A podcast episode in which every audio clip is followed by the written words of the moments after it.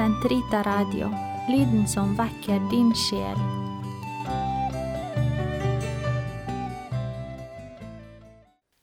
Den katolske kirkes katekisme, uke 49, torsdag 1625 til 1632. Samtykke til ekteskap. Ektepakten inngås mellom en døpt mann og en døpt kvinne, som er fri til å inngå ekteskap, og som frivillig gir sitt samtykke. Å være fri betyr ikke å handle under tvang, ikke være hindret av noen naturlov eller kirkelov. Kirken mener at det er det gjensidige samtykket brudefolkene gir hverandre, som er det uunnværlige element som gjør ekteskapet. Uten samtykke intet ekteskap. Samtykke består i en menneskeverdig handling hvor ektefolkene gjensidig gir seg til og tar imot hverandre. Jeg tar deg til ekte.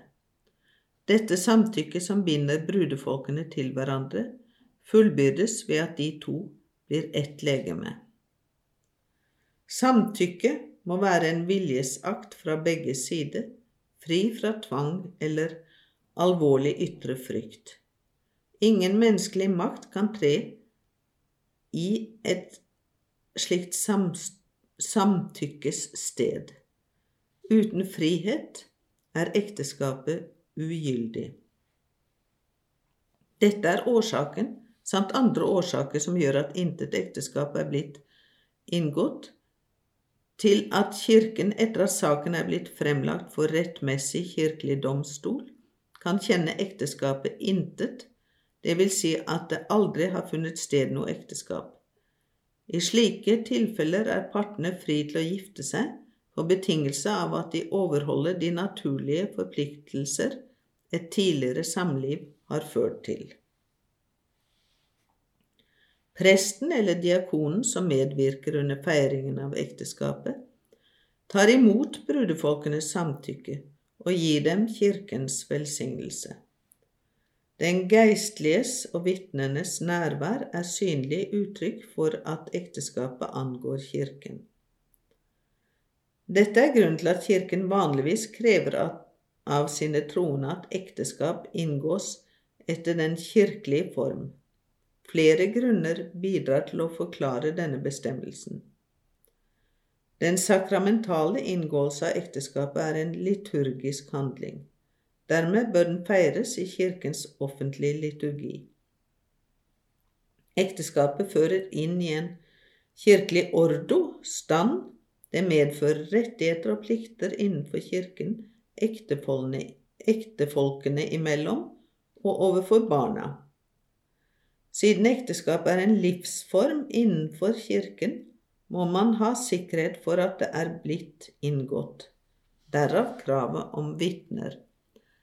Samtykke gitt i full offentlighet beskytter ja-ordet som er blitt gitt en gang for alle, og hjelper til å forbli trofast mot det.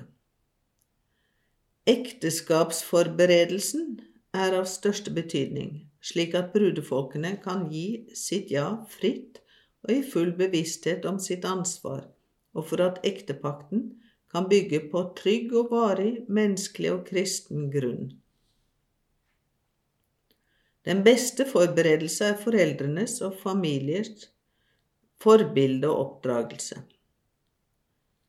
Sjelesørgernes og den kristne menighets rolle som Guds familie er uunnværlig for at ekteskapets og familiens menneskelige og kristne verdier skal kunne føres videre.